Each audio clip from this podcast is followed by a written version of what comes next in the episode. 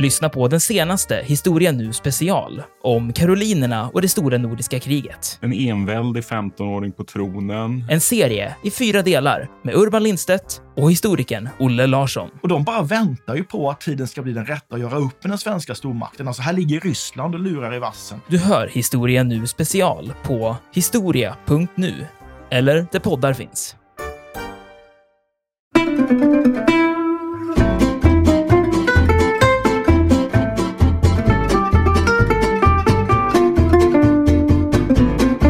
Eh, det finns en fantastisk scen i eh, Hedebyborna hos Wendel Blang i filmatiseringen där. När några ska, eh, äldre herrar ska äta smörgåsbord. Den ena ska bjuda sina kamrater och han berättar här finns det aladåber och ål och skinka och brännvin säger han med darrande stämma. Och det finns krustader och det finns lax och sillinläggningar och brännvin.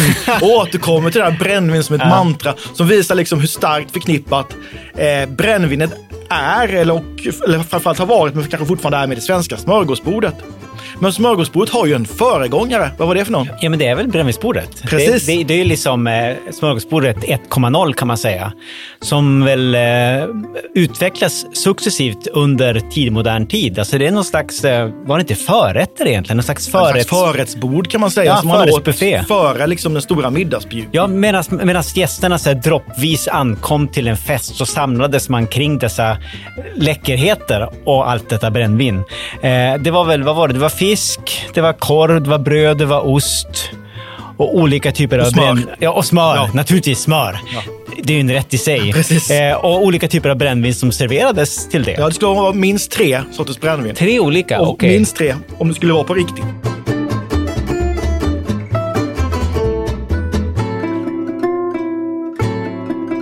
Podden En oväntad historia utgår från en liten händelse för att med glimten i ögat berätta den stora historien. Programledare är historikerna Olle Larsson och Andreas Marklund.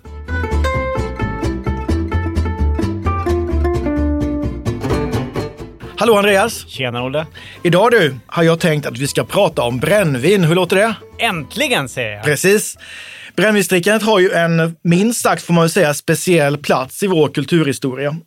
Och eh, även om det är så att brännvinet är känt i Sverige sedan medeltiden så dröjer det ju faktiskt några hundra år, eller fram till 1600-talet, innan den här drycken blir allmän hos de bredare folklagren eller allmogen som vi ibland kallar dem för. Men när den väl sprids, då gör det ju det med besked. Och det är ju i samband med att den får stor spridning då som man börjar upptäcka att brännvinsdrickandet kan vara ett problem. Och det är ju både den kyrkliga överheten och den världsliga överheten som uppmärksammar dessa problem. Och man har ju en del planer för hur man ska försöka komma åt det här eh, stöket som det här överdrivande supandet kunna föra med sig. Men med begränsad framgång får man väl säga. Onekligen. Så, men jag tänkte jag får väl ändå börja med att fråga dig en personlig fråga. Alltså hur ser din egen relation till brännvinet som dryck ut? Den relationen är ju inte obefintlig, kan jag väl säga. Den, den, jag ska beskriva den som kanske varm, men respektfull. Eh, alltså trots min onekligen lätt norrländska dialekt så har jag faktiskt aldrig smakat hembränt, tror jag. Jag har aldrig fattat grejen med hembränt. Det var väldigt stort i Umeå, som jag kommer ifrån. I alla fall inte i mina kretsar. Eh, så det, det med att det var en stor del av min ungdom i alla fall. Men sen på senare år så har jag väl insett att det finns vissa, vissa maträtter som med fördel inmundigas, eh, sköljs ner med hjälp av lite brännvin. Till exempel sill, kräftor kräver dessa drycker, kanske vi kan återkoppla till sen. Och, och det är naturligtvis fullständigt obligatoriskt till eh, lilla surströmmingen. Det är väl min relation till brännvin, ungefär. Ja, jag har ju inte heller någon, någon relation till hembränt, fastän jag är smålänning. Som många skulle säkert tro det, för det lär ju puttra lite här och var i skogarna. Men eh, jag är ju ingen storkonsument av starksprit, men jag, precis som du säger, det är väldigt gott med öl och snaps. Ibland till jul och till den typen av mat. Sill, ål, min personliga favorit, gubbröra. Gubbröra och en besk och en öl. Det är inte dumt. Och som sagt var, kräftor kräver dessa drycker. Och det är ju en del svenska traditioner som är nära förknippade just med brännvinet som dryck. Men jag tänker mig att vi ska börja med en, en liten tidsbild, eh, en stämningsbild för att liksom sätta, sätta, komma lite grann i, i form inför det fortsatta samtalet. Och då tänker jag mig att vi ska ge oss tillbaka i tiden. Vi ska bege oss till stormaktstiden. Vi har ju en tendens att hamna där ibland. Och det är som sagt var det är 1600-tal och det här är ju en tid när kyrkan i Sverige har oerhört stor makt över undersåtarnas själar. Och vi talar om en sträng kyrka, en minst sagt sträng kyrka. Och man talar ibland om 1600-talet som den lutherska ortodoxins tid. Med stränga krav på moral och religiös renlärighet. Och utifrån den förutfattade meningen får man väl säga så skulle man ju kunna tänka sig att eh, när man kommer till kyrkan, att kyrkrummet och kyrkplatsen var liksom en, en, en helgad plats. En plats för stilla gudfruktan och vördnad för den kyrkliga överheten och gudsordet. Men så var det ju inte alltid, utan snarast långt därifrån. Och ett stort problem under 1600-talet, även längre fram i tiden, var ju att besökarna kom berusade till kyrkan. Inte sällan så samlas de på kyrkbacken eller i någon närliggande krog för att stärka sig inför kyrkbesöket. Och det här får naturligtvis konsekvenser. En del blir väldigt trötta och somnar. Andra blir väldigt pratglada. En del vill sjunga någonting annat än de påbjudna salmerna. Och i värsta fall så kunde det ju hända att kyrkobesökarna blev faktiskt opassliga av det de hade druckit och tvingades kasta upp under gudstjänsten. Och särskilt allvarligt var ju det här om olyckan var framme när, efter det att nattvarden delats ut och den nyss förtärda Kristi kropp och lekamen följde med upp så att säga. Den som råkade spy har ju oftast en hel del bortförklaringar till, till hans. Eh, några stycken som jag, jag har hållit på med i kyrkan när jag skrev min avhandling och sett mycket bort, många bortförklaringar till varför man har kräkt i kyrkan. Och då kunde jag säga att jag, jag var tvungen att kräka så jag fick som plötslig smärta i magen. Eller det, började, det luktade illa, det luktade lik. Man pratar om en slem likstank och det berodde ju på att man faktiskt begravde människor in i kyrkan ganska långt fram i tiden. Också min egen favorit, en person då som har spytt i kyrkbänken och säger att ja, han har icke spytt utan allenast hostat en smula. Och så kan man ju uttrycka det. Eh, men det förekom ju också då att prästerna också har tagit sin styrkotår innan söndagens värv inleddes. Och en del av dem skaffade faktiskt extrainkomster genom att fungera som krögare. Så man skulle kunna säga att de på sätt och vis då brand ris åt egen rygg och fick själva skörda det man sått in i kyrkan under gudstjänsten. Och i många socknar så tillsätter man faktiskt så kallade kyrkvaktare som har till uppgift huvudsakligen att väcka de som somnar under gudstjänsten. Ofta med hjälp av en lång stav eller en käpp och de kallas därför för kyrkstötar eller kort och gott spögubbar.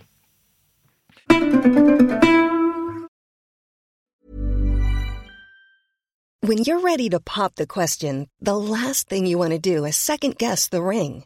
At Bluenile.com you can design a one-of-a-kind ring with the ease and convenience of shopping online. Choose your diamond and setting. When you find the one, you'll get it delivered right to your door. Go to Bluenile.com and use promo code LISTEN to get $50 off your purchase of $500 or more. That's code LISTEN at Bluenile.com for $50 off your purchase. Bluenile.com code LISTEN. I'm Sandra, and I'm just the professional your small business was looking for. But you didn't hire me because you didn't use LinkedIn jobs. LinkedIn has professionals you can't find anywhere else, including those who aren't actively looking for a new job but might be open to the perfect role, like me. In a given month, over 70% of LinkedIn users don't visit other leading job sites. So if you're not looking on LinkedIn, you'll miss out on great candidates like Sandra. Start hiring professionals like a professional. Post your free job on linkedin.com/people today. Here's a cool fact. A crocodile can't stick out its tongue. Another cool fact, you can get short-term health insurance for a month or just under a year in some states. United Healthcare short-term insurance plans are designed for people who are between jobs, coming off their parents' plan, or turning a side hustle into a full-time gig. Underwritten by Golden Rule Insurance Company, they offer flexible, budget friendly coverage with access to a nationwide network of doctors and hospitals. Get more cool facts about United Healthcare short term plans at uh1.com.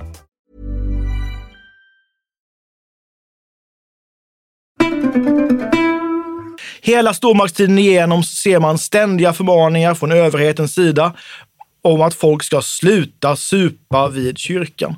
Men det här är en kamp som överheten utkämpar förgäves. Alltså, låt oss dra två slutsatser. För det första, det var inte alltid lugn och ro i kyrkan under stormaktstiden. Och för det andra, inte sällan var det brännvinsdrickandet som låg bakom de många ordningsproblemen. Och här tänker jag kan vår historia ta sin början. Låt oss titta närmare på det här. Spännande. Så Andreas, när har vi de första beläggen för att brännvin förekommer i Sverige? Det är ju ganska sent i historien egentligen. Va? 1400-talet, slutet av medeltiden. Alltså vikingarna till exempel, de berusades ju inte på brännvin. De fick hålla till godo med öl och mjöd och kanske lustiga svampar och sådana saker. Men det är ju först på 1400-talet som vi har de första skriftliga beläggen faktiskt för att man då, framförallt då i Stockholm va? Stockholm är det äldsta belägget. Ja, precis. Att det börjar liksom eh, säljas brännvin.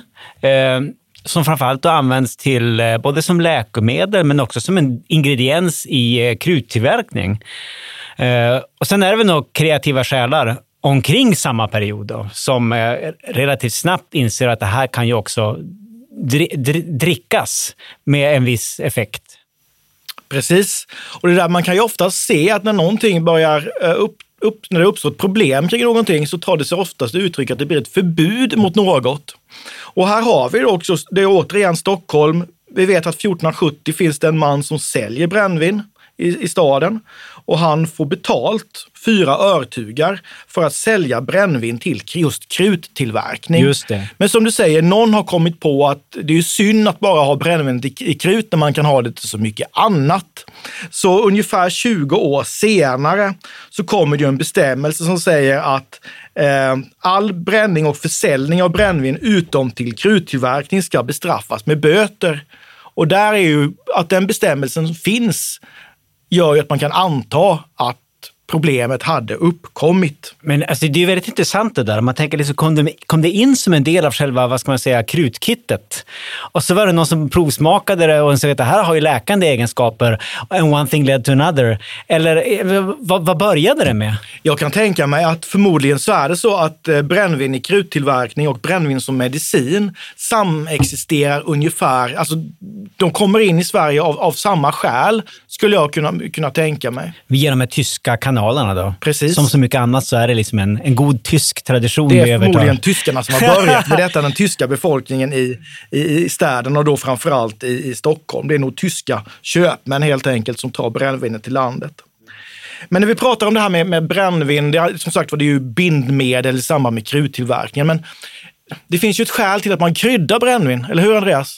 Eh, ja, eh, det är väl i huvudsak två skäl. Då. Det ena är ju att eh, alltså, handlar ju om att brännvinet sågs som en del av vad ska man säga, folkmedicinen. Och många av de här kryddorna som idag ingår i det klassiska brännvinet, johannesört till exempel, som ju till exempel då Ulf Lundell sjunger om i Öppna landskap. Vi vet att det är det han kryddar sitt, sin, sin hembrända akvavit med.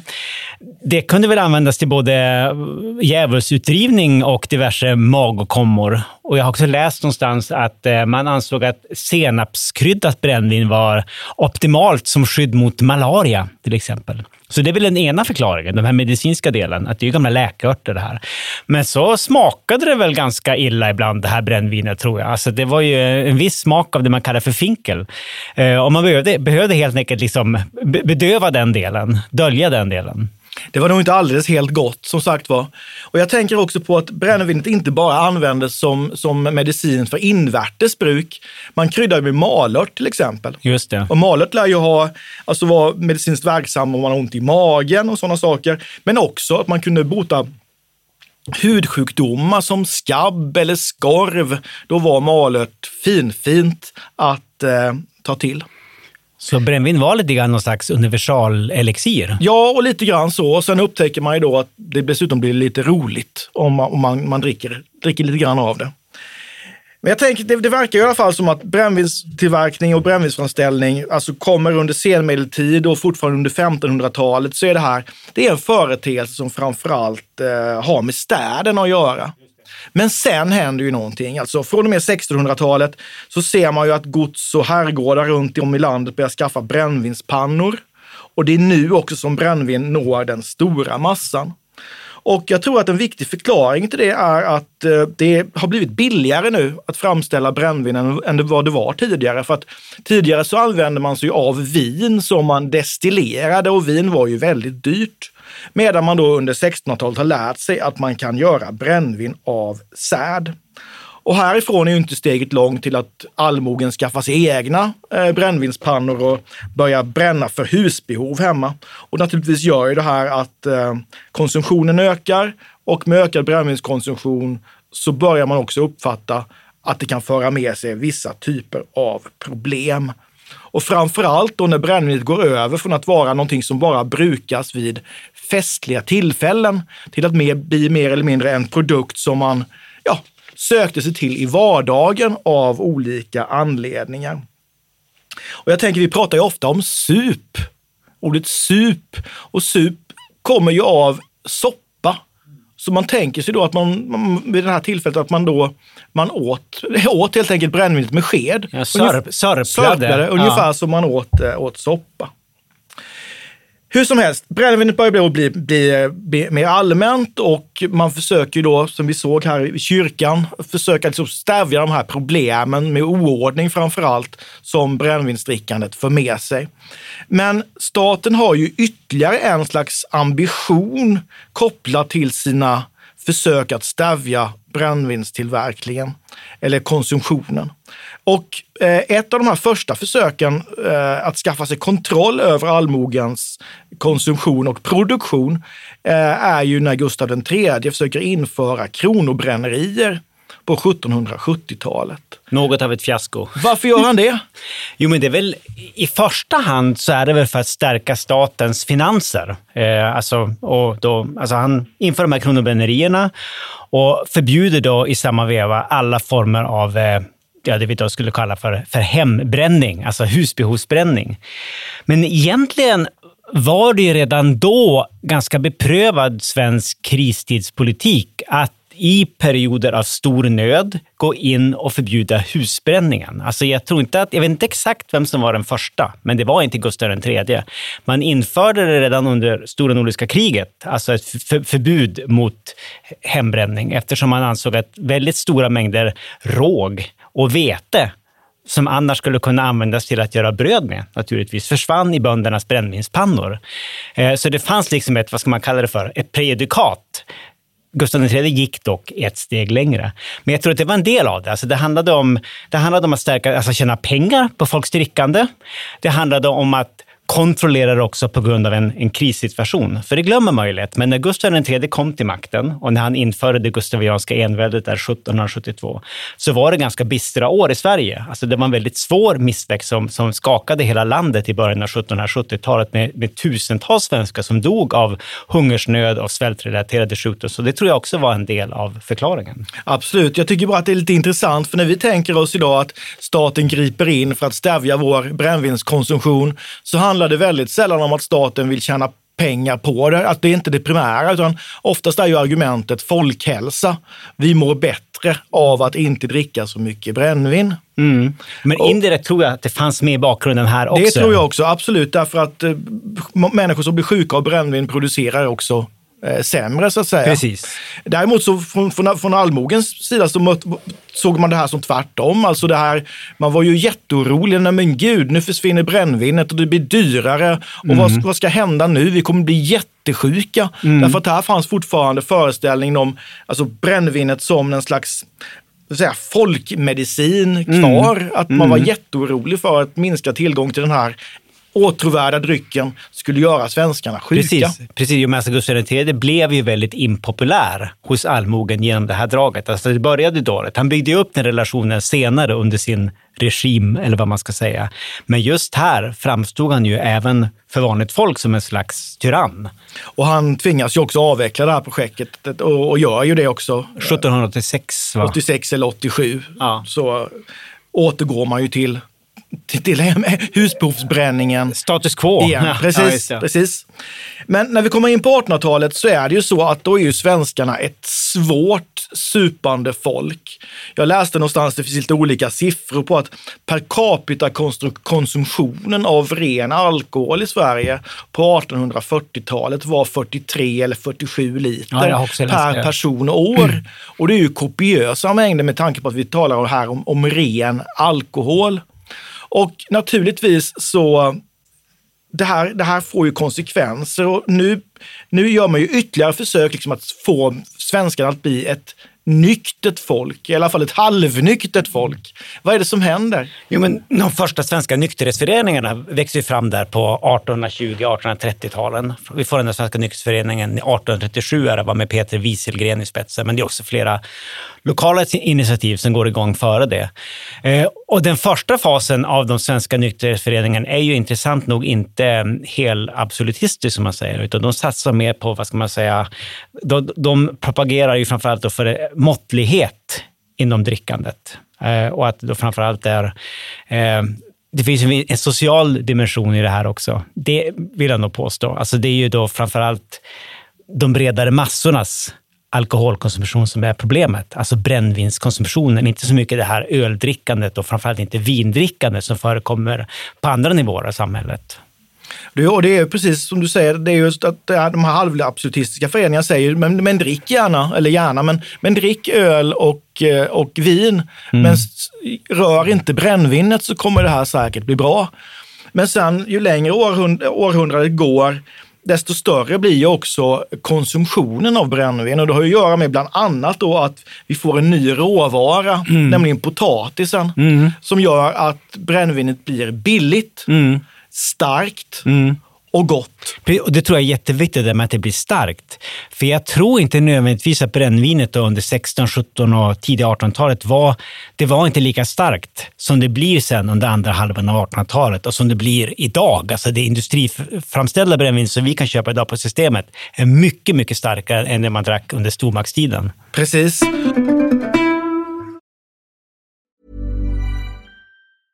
Ready to pop the question? The jewelers at BlueNile.com have got sparkle down to a science with beautiful lab grown diamonds worthy of your most brilliant moments. Their lab grown diamonds are independently graded and guaranteed identical to natural diamonds, and they're ready to ship to your door. Go to Bluenile.com and use promo code LISTEN to get $50 off your purchase of $500 or more. That's code LISTEN at Bluenile.com for $50 off. Bluenile.com code LISTEN. One size fits all seemed like a good idea for clothes. Nice dress. Uh, it's a it's a t-shirt. Until you tried it on. Same goes for your healthcare. That's why United Healthcare offers a variety of flexible, budget friendly coverage for medical, vision, dental, and more. So, whether you're between jobs, coming off a parent's plan, or even missed open enrollment, you can find the plan that fits you best. Find out more about United Healthcare coverage at uh1.com. That's uh1.com. I'm Sandra, and I'm just the professional your small business was looking for. But you didn't hire me because you didn't use LinkedIn jobs. LinkedIn has professionals you can't find anywhere else, including those who aren't actively looking for a new job but might be open to the perfect role, like me. In a given month, over 70% of LinkedIn users don't visit other leading job sites. So if you're not looking on LinkedIn, you'll miss out on great candidates like Sandra. Start hiring professionals like a professional. Post your free job on linkedin.com/people today.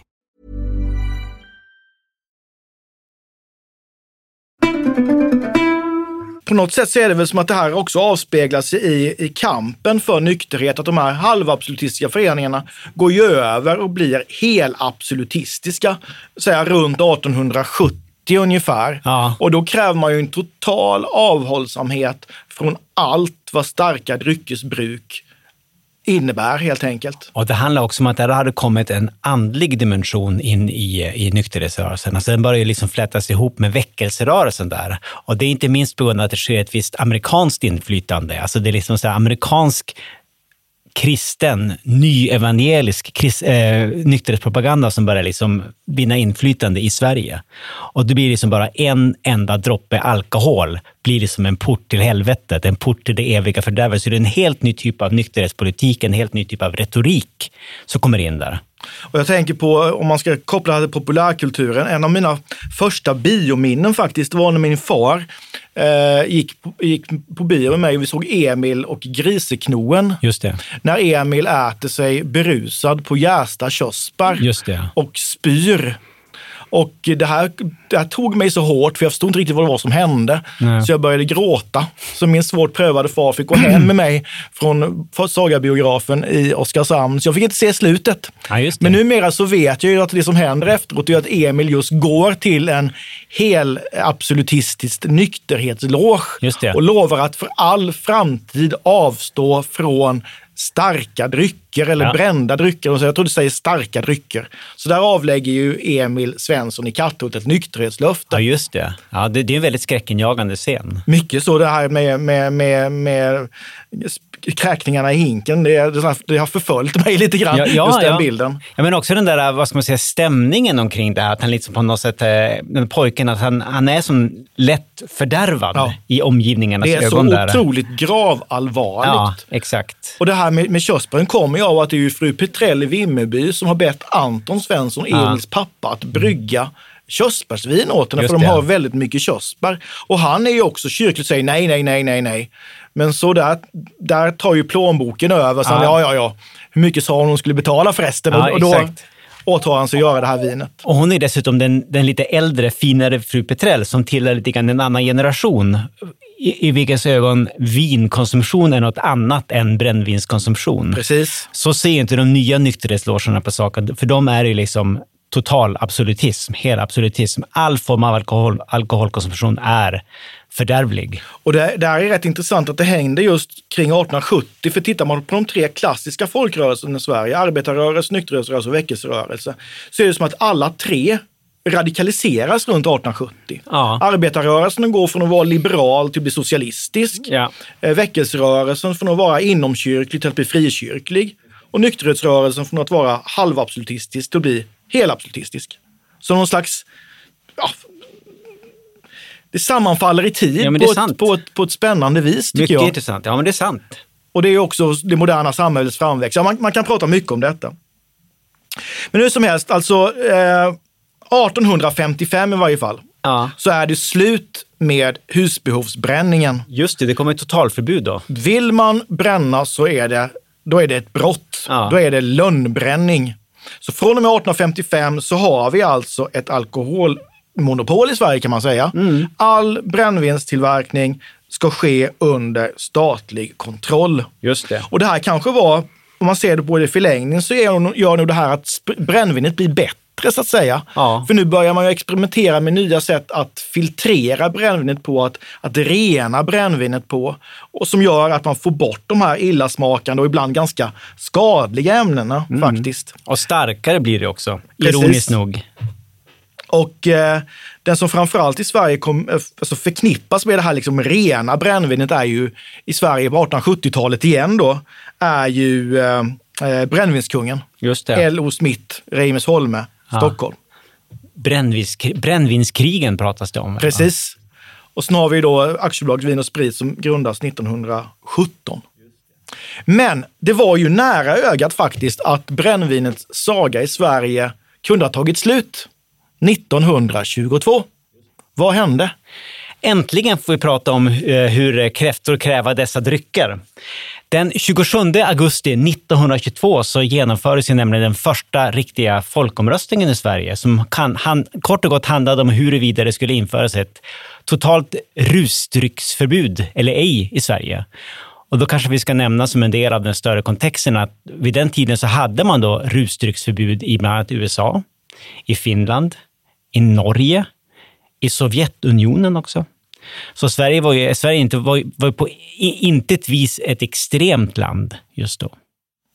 Och det här blir ju, det är en fantastisk eh, valkampanj här. För det är ju verkligen då, svenskarna får ju välja mellan två alternativ. Det är inte som kärnkraftsomröstningen 1980 att det finns ja, nej, nja, utan här är det ja Ja, eller nej. För eller emot förbud. Och båda sidor gör ju vad man kan då för att liksom, eh, lobba för sina åsikter. Och de är ju fantastiska tycker jag, de här valaffischerna man tar fram där det är väldigt liksom, polariserade budskap. Eh, Nej-sidan har den här fantastiska bilden av avlöningsdag, står det. Och så är det en tecknad bild på en stackars eh, familj, fru och två barn, tror jag, som tittar ut genom dörren ner mot trappan där hushållsföreståndaren, mannen, ligger Ja. fullständigt utslagen då. Ja, Eh, förskräcklig bild. Precis, och så står det då eh, texten spritfloden dränker hem och familjelycka. Och så har vi motsatsen. Ja, men det är den där klassiska bilden då av eh, Albert Engström, där han själv står med ett snapsglas och kollar ganska upprört. Han ser ganska barsk Ja, ut. han ser väldigt barsk ut och kollar, liksom in, kollar mot liksom, eh, jag på säga in i kameran och säger kräftor kräva dessa drycker och håller upp ett snapsglas. Där har vi de här de kända kräftorna igen. Och det här blir ju, det här är ju ganska nära faktiskt att det blir ett totalförbud. Det är väldigt jämnt. Rösterna är ju ungefär 51 procent som röstar mot Ja, och eh, 49. 49 procent som röstar för. Ja. Och här finns ju en stark, en stark eh, könsdimension Och det är intressant. också. Ja, det är intressant och det är en, vad ska man säga, en ganska tragisk dimension det här, för det säger en del om de socia- den sociala verkligheten. Men eh, de flesta av landets kvinnor röstade ju för ett eh, rusdrycksförbud. Och då kan vi bara tänka på den där affischen med den där stackars mamman och hennes barn som står där på trappan med pappa som ligger full eh, nere på marken med en brännvinsflaska i handen. Och förmodligen har supit upp stora delar av avlöningen. Kanske, kanske till och med fick betalt i brännvin. Det förekommer ju också. Jag läste någonstans att på eh, krogarna i Stockholm öppnade vid fyra eller fem på morgonen för att eh, arbetarna skulle få den så kallade läkesupen innan man gick till jobbet för att man överhuvudtaget skulle fungera under de här långa och eh, hårda arbetsdagarna. Men som sagt var, nej-sidan eh, segrar. Kräftorna får behålla sina drycker. Eh, och istället så inför man ju ett system eh, som bygger på ransonering. Uppkallat efter en eh, alkoholläkare från Göteborg, tror jag, som heter Bratt. Ja, Ivar Bratt, Ivar va? Bratt. Och det blir ju det så kallade Bratt-systemet. Med motboken i centrum. Precis vad innebar det här i korthet? Ja, men så det var en slags eh, ransoneringshäfte helt enkelt, som eh, tilldelade då, eh, de svenska medborgarna eh, olika typer av ransoner på starksprit och vin var det väl i första hand. För st- starköl förbjöds ju. Det kan vi prata om i något annat avsnitt, men alltså svensk ölkonsumtion i eh, ska man säga, början av 1900-talet är en ganska tragisk förfallshistoria. Men eh, man fick ju olika typer av ransoner beroende på liksom vem man var, vad man hade för socioekonomisk bakgrund och inte minst vilket kön man hade. Gifta män med en god stabil inkomst hade ju den högsta ransonen. Gifta kvinnor fick väl ingenting alls tror jag, för de förväntades bara dricka av det som mannen eh, drog hem. Ogifta män fick mindre än gifta män och så vidare och så vidare. Så det påminner ju på vissa sätt faktiskt om det, det system som man hade med, med ransonering i Sverige på vissa varor under andra I världskriget. högsta grad. Och det här systemet också, det, det finns ju faktiskt före förbudsomröstningen. Det införs ju redan som ett embryo tror jag, vid 19, alltså under första världskriget. Ja. 1917 vill jag minnas. Precis, men det är också en del av den här... 14 till och med på vissa håll. Exakt, men det är en del av den här kristidspolitiken eh, som jag menar, det, det är egentligen en, vad ska man säga, en lång duré. Alltså det är en, en långvarig historia, alltså, som man gjort ofta eh, under, under, under nödår. Alltså att man liksom har ransonerat på nyckelresurser, inklusive säd. Precis. Och det här systemet då, det som bygger då på att man, man hämtar ut en ranson varje månad. Och som du säger, beroende på vem man var, yrke, inkomst, kön, så eh, såg det annorlunda ut. Och så avskaffas det här systemet då 1955. Det är ju rätt sent. Det är det absolut. Eh, Men det statliga monopolet behåller man ju. Ja. Egentligen ända fram till 95, va? Just det. När Sverige går in i, i EU. Ja, exakt. Och det är väl, är det inte 55 som vi får det egentliga Systembolaget? Då kommer Systembolaget. Som det ser ut idag. Och eh, det är ju lite roligt för att det var ju inte bara så att alkoholinköpen eh, var begränsade till det man kunde handla i affärerna. Utan det var ju också begränsat hur mycket man fick köpa på eh, restaurangerna. Ja, just det. Och eh, för en äldre generation, jag kommer ihåg min, min morfar pratade oftast vid jul så här om att han ville ha två vita och en brun. Ja. Och för mig var det fullständigt obegripligt. Vad, pratar morfar om? Två vita och en brun. Men nu förstår jag att det, här- det härstammar ju från den tid då spritransonerna på restaurangerna var, var begränsade. Man fick köpa 15 centiliter eh, starksprit. Och det var oftast då att eh, det serverades i tre, alltså tre, tre glas starksprit, ah, fem centiliter styck. Och då var det liksom två av snapsarna var vita, alltså det var brännvin, genomskinliga. Ja. Och en var brun och det var konjaken. Konjaken, ja. Alltid Och- kunde det vara en whisky också. Ja, det kunde det säkert vara, men jag tror att det var konjak. Just det. Gärna då med G och tre stjärnor. Att det var på riktigt, inte folkkonjak. Utan två vita och en brun och därmed sin förklaring. Det är ett fantastiskt uttryck som man hör i gamla pilsnerfilmer ibland. Där finns det där verkligen kvar. Och jag tänker, när vi ändå pratar om pilsnerfilmer, så kommer jag osökt att tänka på det här med, med, med, med brännvin och mat. Och vi har ju varit inne på det lite grann. Det här med, det finns en fantastisk scen i eh, Hedebyborna och Sven Delblanc i filmatiseringen där. När några ska, eh, äldre herrar ska äta smörgåsbord. Den ena ska bjuda sina kamrater och han berättar, här finns det aladåber och ål och skinka och brännvin, säger han med darrande stämma. Och det finns krustader och det finns lax och sillinläggningar och brännvin. Och återkommer till det här brännvin som ett mantra som visar liksom hur starkt förknippat eh, brännvinet är, eller, och, eller framförallt har varit, men kanske fortfarande är med det svenska smörgåsbordet. Men smörgåsbordet har ju en föregångare. Vad var det för någon? Ja, men det är väl brännvinsbordet. Precis. Det, det, det är ju liksom eh, smörgåsbordet 1,0 kan man säga. Som väl eh, utvecklas successivt under tidigmodern tid. Alltså det är någon slags, eh, var det inte förrätter egentligen? Någon slags En slags förrätt... förrättsbord kan man säga, Ja, som man åt före liksom den stora middagsbjudningen. Ja, medan gästerna så här, droppvis ankom till en fest så samlades man kring dessa läckerheter och allt detta brännvin. Eh, det var väl, vad var det? Det var fisk, det var korv, det var bröd, det var ost och olika typer Och av smör. bränn... Ja, och smör. Ja. Naturligtvis smör. Det är ju en rätt i sig. precis. Eh, och olika typer av brännvin som serverades till det. Ja, det skulle vara minst tre sorters brännvin. Tre olika? Och okej. Minst tre, om Så- det skulle vara på riktigt. Så smöret hade inte sitt eget brännvin, men det var en typ av brännvin till sillen förmodligen, en annan typ av brännvin till, Till korven. köttet och någon ja. till osten kanske. Så. Ja, just det. Ja. Väldigt intressant. Och det, det var ju, många säger att det här var typ, det här var, även om det förmodligen har ryska rötter, men att det här var liksom väldigt svenskt. För det finns beskrivet hur utländska resenärer i Sverige har blivit Ja. bjudna på det här brännvinsbordet under 1600 och 1700-talet och de Ja. tyckte att det var fullständigt avskyvärt. Ja, varför egentligen? För Alltså, att det smakade någonting- illa eller? Någonting som inte gör att det tilltalar liksom resenärernas smaklökar. Jag kan tänka mig att det kunde vara ganska långdraget. Det kunde ju vara det. Först liksom dricka sig igenom tre sorters brännvin Ja. och äta de här rätterna. Ja. Och sen avsitta en större, eller, En sittning. st- större sittning, alltså en middag. Ja, men det var medan gästerna ankom då via, med, med häst och vagn förmodligen. Och det var dåliga vägar på den tiden, så det kunde ta ganska lång tid. Så stod man där och hängde med sitt smör och sitt brännvin. Ja, precis. Och så står man där och ja, ja, ja, ja, exakt. Jo. ett, ett tag blev det roligare och roligare. Sen Ja. kanske man började tappa fart. Exakt, man kan tänka sig att stämningen hann förfalla innan middagen faktiskt serverades. Det är inte helt omöjligt att det kunde vara på det viset. Och ja, jag tänker på det här, det är ju svårt att prata om brännvin och, och mat utan att komma in på det här med snapsvisor. Ja, just det. Eh, för de sjöng nog förmodligen inte vid brännvinsborden under eh, 16 och 1700-talen. Och kanske inte under 1800-talet heller egentligen. Nej, det är ganska ny tradition egentligen. Ja, vad, vad, vad vet vi om den här snappvisetraditionen eller tror oss veta? Vad vi tror oss veta, egentligen tror jag då att det är ämnet för en egen podd, för det kräver ju lite research och efterforskningar. Men alltså jag tror att det växer fram lite grann som en reaktion mot det här fördömandet som vi pratade om här. Eh, där vid 1870-1880-talen då eh, nykterhetsrörelsen får en ny, vad ska man säga, får, får vind i seglen. Och den här fördömande attityden gentemot brännvinskulturen börjar sprida sig i samhället. Och det kommer ju naturligtvis också fler och fler restriktioner i form av brattsystem och motböcker och, och så vidare.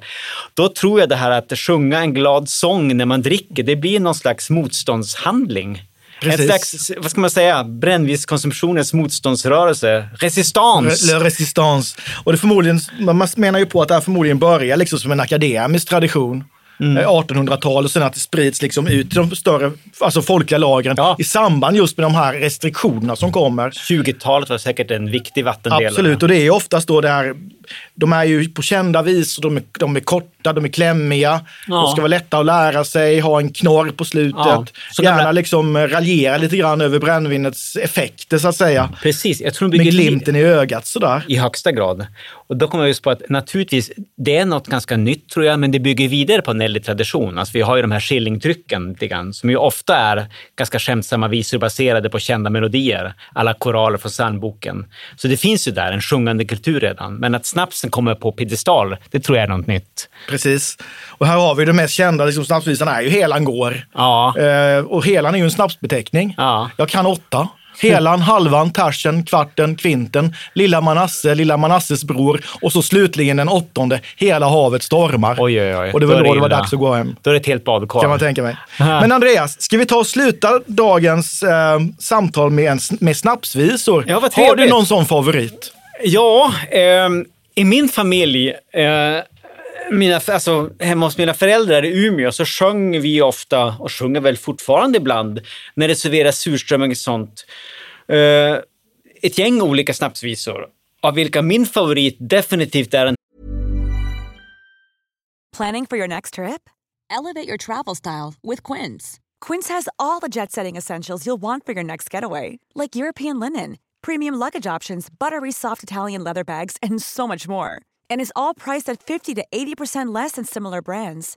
Plus, Quince only works with factories that use safe and ethical manufacturing practices.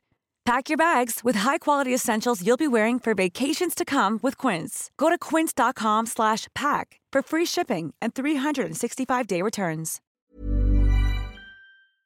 tutingen som baseras på den här gamla Karl Gerhard-melodin Jazzgossen och så kommer det en gosse. Förväntar du dig att jag ska sjunga Absolut. den här nu? Okej, ja.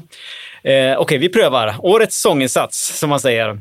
Och så kommer det en tuting genom luften som ett reaplan. Och den träffar som en snyting mitt på munnen under röda kran. Åker ner i lilla magen med ett jätteplask, jätteplask, jätteplask och så blir man ganska dragen. Men pigg och rask, pigg och rask, pigg och rask. Och så tror man ska säga tjoflöjt och sen dricker man bara. Det låter ju fantastiskt. Jag, men då ska jag ju, av ren, som en ren solidaritetshandling, Andreas, så ska jag sjunga en också. Det krävs nästan. Ja. Och den här är ju hämtad från lundensisk akademisk miljö, där man då dricker snaps ibland. Och den går så här. Inbelupet glaset står på bräcklig fot. Tomma pilsnerflaskor lutar sig däremot. Men där nere miserere ut i magens mörka djup sitter djävulen och väntar på en sup. Ja, det är poetiskt. Det är bra så tror jag. Ja. Tack för idag Andreas. Tack själv. Tack. Hej. Vi tackar programledarna Olle Larsson och Andreas Marklund. Kontakta gärna Olle och Andreas på ovantad@historia.nu. Vi läser allt, men hinner kanske inte alltid svara.